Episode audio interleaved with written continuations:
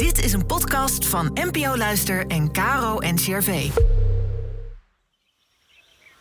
Welkom bij de Kloostercast, de podcast met antwoorden op alledaagse levensvragen vanuit de kloostertraditie. Inspiratie voor je dag.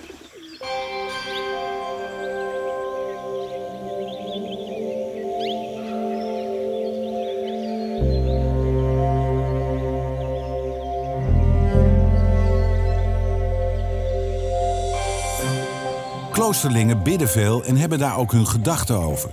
Zoals broeder Alberik, abt van het Cisterciënse klooster Schiermonnikoog.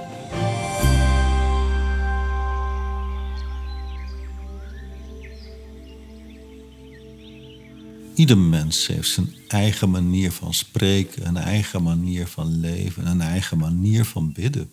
Zoals je bidt, zo leef je. Zoals je leeft, zo bid je. Dus wat valt erover te zeggen? Misschien toch wel iets. Iets wat een handreiking kan zijn. En dat is de bekende vraag die in het Evangelie staat. Heer, leer ons bidden. Het is een vraag, een verzoek en tegelijk ook een gebed. Heer, leer ons bidden. Als je het zo persoonlijk maakt, rechtstreeks tot Jezus en rechtstreeks tot jou bedoelt, dan kom je met lege handen voor Jezus te staan. Dan sta je eigenlijk op een punt dat je afwacht wat Jezus jou gaat zeggen en dat is volstrekt onbekend. Zelf heb je geen woorden, want je vraagt Jezus juist, leer me bidden. Ik sta hier met een leeg canvas voor me. Ik sta hier met een blanco blad. Ik sta hier gewoon helemaal zonder enig idee.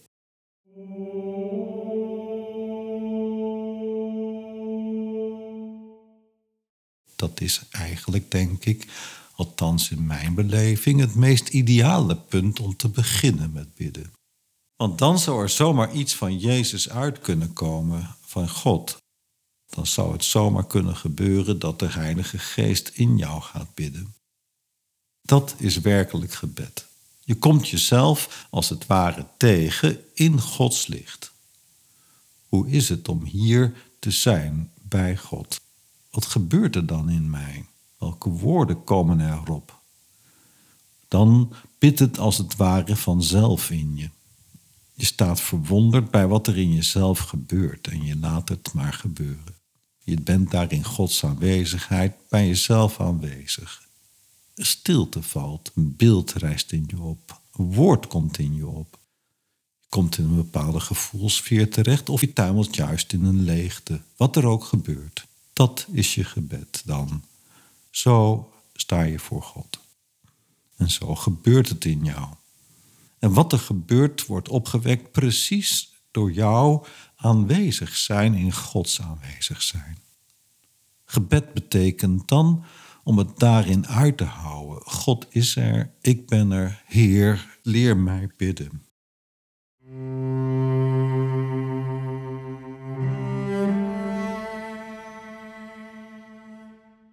Over God zelf kan ik eigenlijk niet zo heel veel zeggen. We kunnen God niet in de kaarten kijken. We kunnen er alleen maar van uitgaan dat wat er in ons opkomt, terwijl we in Gods aanwezigheid zijn, dat dat iets is dat we niet zelf bedacht hebben. Naarmate je zo in Gods aanwezigheid bent en je eigen aanwezigheid daarin voelt, ga je beseffen dat ik er überhaupt ben, is niet aan mij te danken. Het hele fundament van je bestaan wordt dan als het ware onder je weggeslagen. Iets anders komt ervoor in de plaats. Je gaat beseffen dat je geheel en al uit God komt. Zonder God zou ik er helemaal niet zijn. Dus alles wat er in me opkomt, heeft iets met God te maken.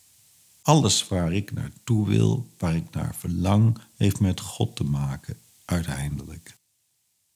Een ontdekking die soms eventjes helemaal doordringt en je hele leven op zijn kop zet. Daarna begint het gewone leven weer.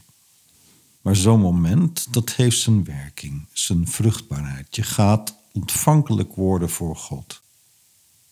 Hoe bid je? Misschien is dat wel precies waar het om gaat, dat je ontvankelijk wordt gemaakt voor wie God is. De regel voor monniken die de heilige Benedictus schreef is bedoeld om die weg van het gebed te gaan en te komen tot het besef dat we elk moment uit Gods liefde geboren worden. Heer, leer ons bidden. Jezus, leer mij bidden. Leer mij dat ik zonder jou helemaal niets kan, er niet eens zou zijn. Leer me zo voor jou te staan dat ik met vreugde mijn leven ontvang vanuit jou. Laat dat mijn gebed zijn, heel mijn leven. Amen.